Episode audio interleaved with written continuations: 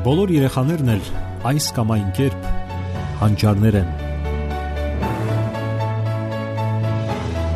Խնդիրն այն է, որ այդ հանճարեղությունը այս կամ այն կերպ ի հայտ բերվի։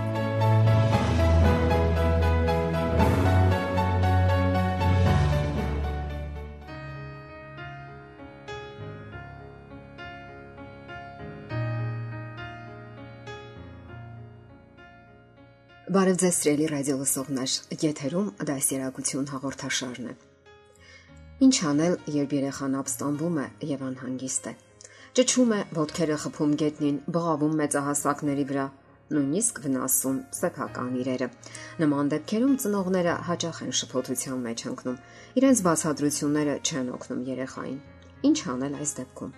Ասենք, որ շատ ծնողներ են անցել այդ հնոցով եւ մեծ իմաստություն ձեռք բերել եւ նրանց առաջարկած որոշ հասարակ խորհուրդներ եւ པարս կանոններ կօգնեն, որpիսի կարողանաք բավականաչափ գրագիտությամբ դասյարակել երեխային։ Եվ այսպես քայլ առաջին։ Կարևոր է հասկանալ, որ ձեր երեխայի հետ ամեն ինչ կարքին է։ Ինչ էլ որ նա անի, ինչ էլ որ հորինի, նա հիվանդ չէ, եւ նրա մեջ սատանաներ չեն բնակվում եւ ոչ էլ ատում է ծնողներին։ Նա պարզապես հուսահատորեն բողոքում է այն բաների դեմ, որոնք չեն համապատասխանում իր պահանջմունքներին Նա բողոքում է այն բաների դեմ, որոնք ինքը չի հասկանում եւ ինչը իր կարծիքով սխալ է կամ սահմանափակում է իր ազատությունը։ Քայլ երկրորդ։ Ձեր երեխայի գիտակցությանը պետք է հասցնեք, որ նա միանգամայն բնականon երեխա է։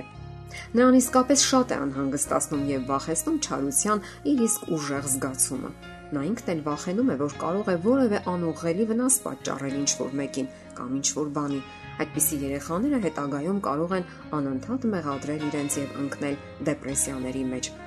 Պետք չէ ցույց տալ սեփական սխալը կամ անզորությունը, բղավել, հայհոյել կամ էլ անտեսել նրան։ Նա պետք է հասկանա, որ դուք սիրում եք իրեն եւ ընդունում, ինչքան էլ որ ինքը ագրեսիվ ու չար լինի։ Քայլ երրորդ։ Պետք է դառնա երեխայի ուսուցիչը, այլ ոչ թե պատժողը։ Բռնկուն երեխաների մոտ շատ սուր է արդարացիության զգացումը, եւ նրանք նույնքան արդարացիորեն զգում են իրենց մեղավորությունը, ինչպես նաեւ բողոքում են ցանկացած պարտադրանքի դեմ։ Այդպիսի երեխան ինքն էլ ընդունակ է հասկանալու, որ անարդար վարվեց աթոռը շպրտելով լուսամփոփի վրա։ Չէ որ նա տեսավ իր գործողության հետևանքները, սակայն դուք միշտ կարող եք զրուցել նրա հետ, ինչպես մեծահասակը մեծահասակի հետ եւ հստակ զատորոշեք թույլատրելի եւ անթույլատրելի սահմանները։ Ասենք այսպես, Դու կարող ես չարանալ, որ արգելել եմ քեզ խաղալ համակարգչով։ Դա բնականon է։ Սակայն ես արգելում եմ քեզ փչացնել այն իրերը, որոնք գնել եմ իմ սեփական դրամներով։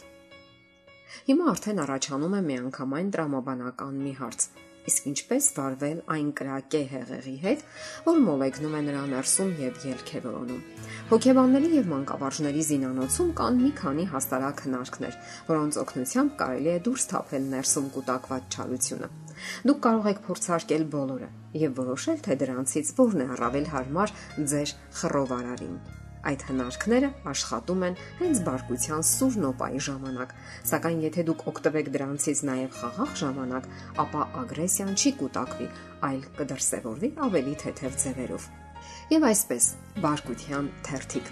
Թերթիկի վրա նկարեք որևէ կատակային բարկացած մռութիկ եւ թող նա բարկացած պահին պատրիային։ Ինքներդ օրինակ ցույց տվեք։ Ձերքների տակ միշտ այդպիսի թերթիկների pašար ունեցեք։ Կամ կարող եք պայթեցնել փուչիկները։ Հասկանալի է, որ բարկացած պահին հազիվ թե ձեռքի տակ փուչիկ ունենաք, սակայն եթե ունեք դրանցից, ապա փորձարկեք։ Պայթեցնելու համար են նաև փաթեթավորման մեջ օգտագործվող պոլիէթիլենի փոքրիկ փուչիկները։ Օգնում է նաև մարտը բարձերով։ Երեխայի բարկացած պահին կարող եք հարցակվել նրա վրա բացականչելով Ախ այդպես, հա։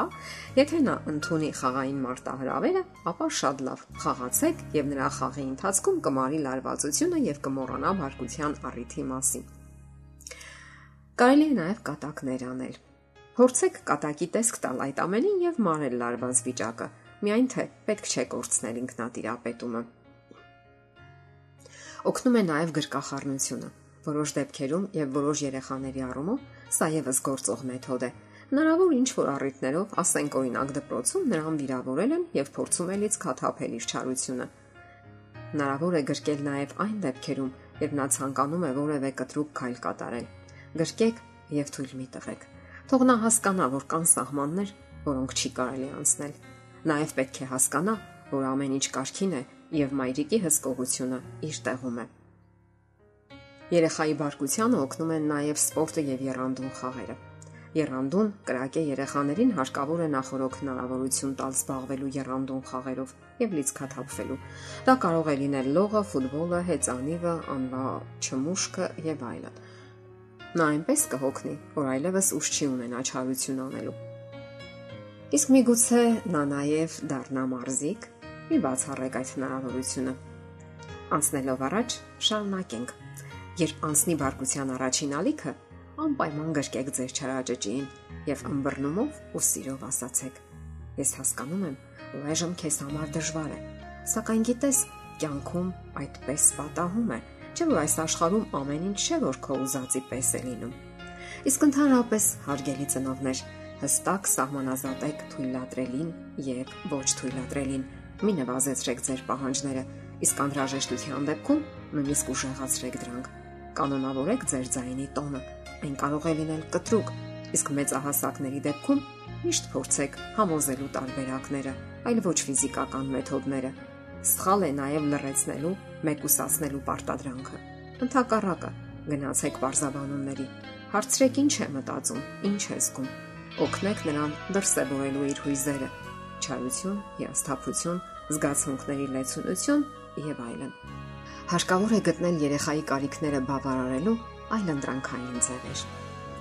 Սիրելի ռադիո լսողներ, եթերում դասյարակություն հաղորդաշարներ։ Ձեզ հետ է Գեղեցիկ Մարտիրոսյանը։